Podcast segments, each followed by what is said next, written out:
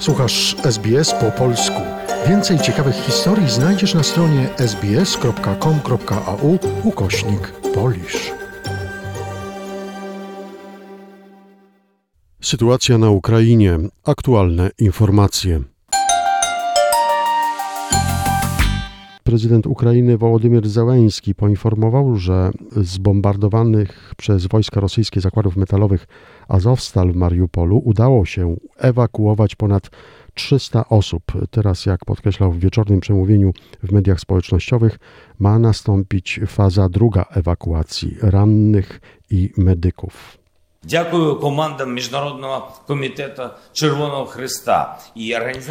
Dziękuję grupom Międzynarodowego Czerwonego Krzyża i Organizacji Narodów Zjednoczonych za pomoc nam w przeprowadzeniu pierwszego etapu misji w Azowstali. Udało się uratować ponad 300 osób, kobiet i dzieci. Praktycznie wywieźliśmy osoby cywilne z Azowstali. Teraz będziemy realizować drugi etap misji, ewakuację rannych i lekarzy.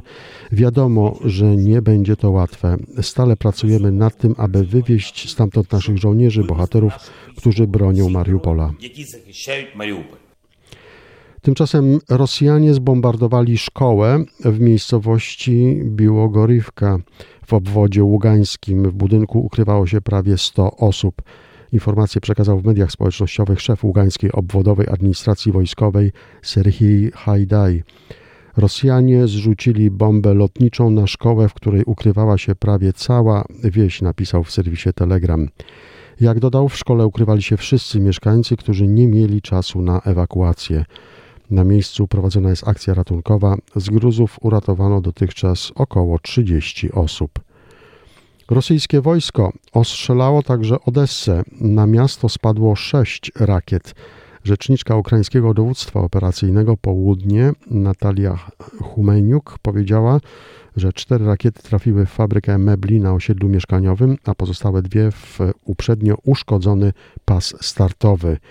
Dodała, że informacje o ofiarach są dopiero ustalane. Materiał opracowano na podstawie doniesień Newsroomu SBS oraz informacyjnej agencji radiowej.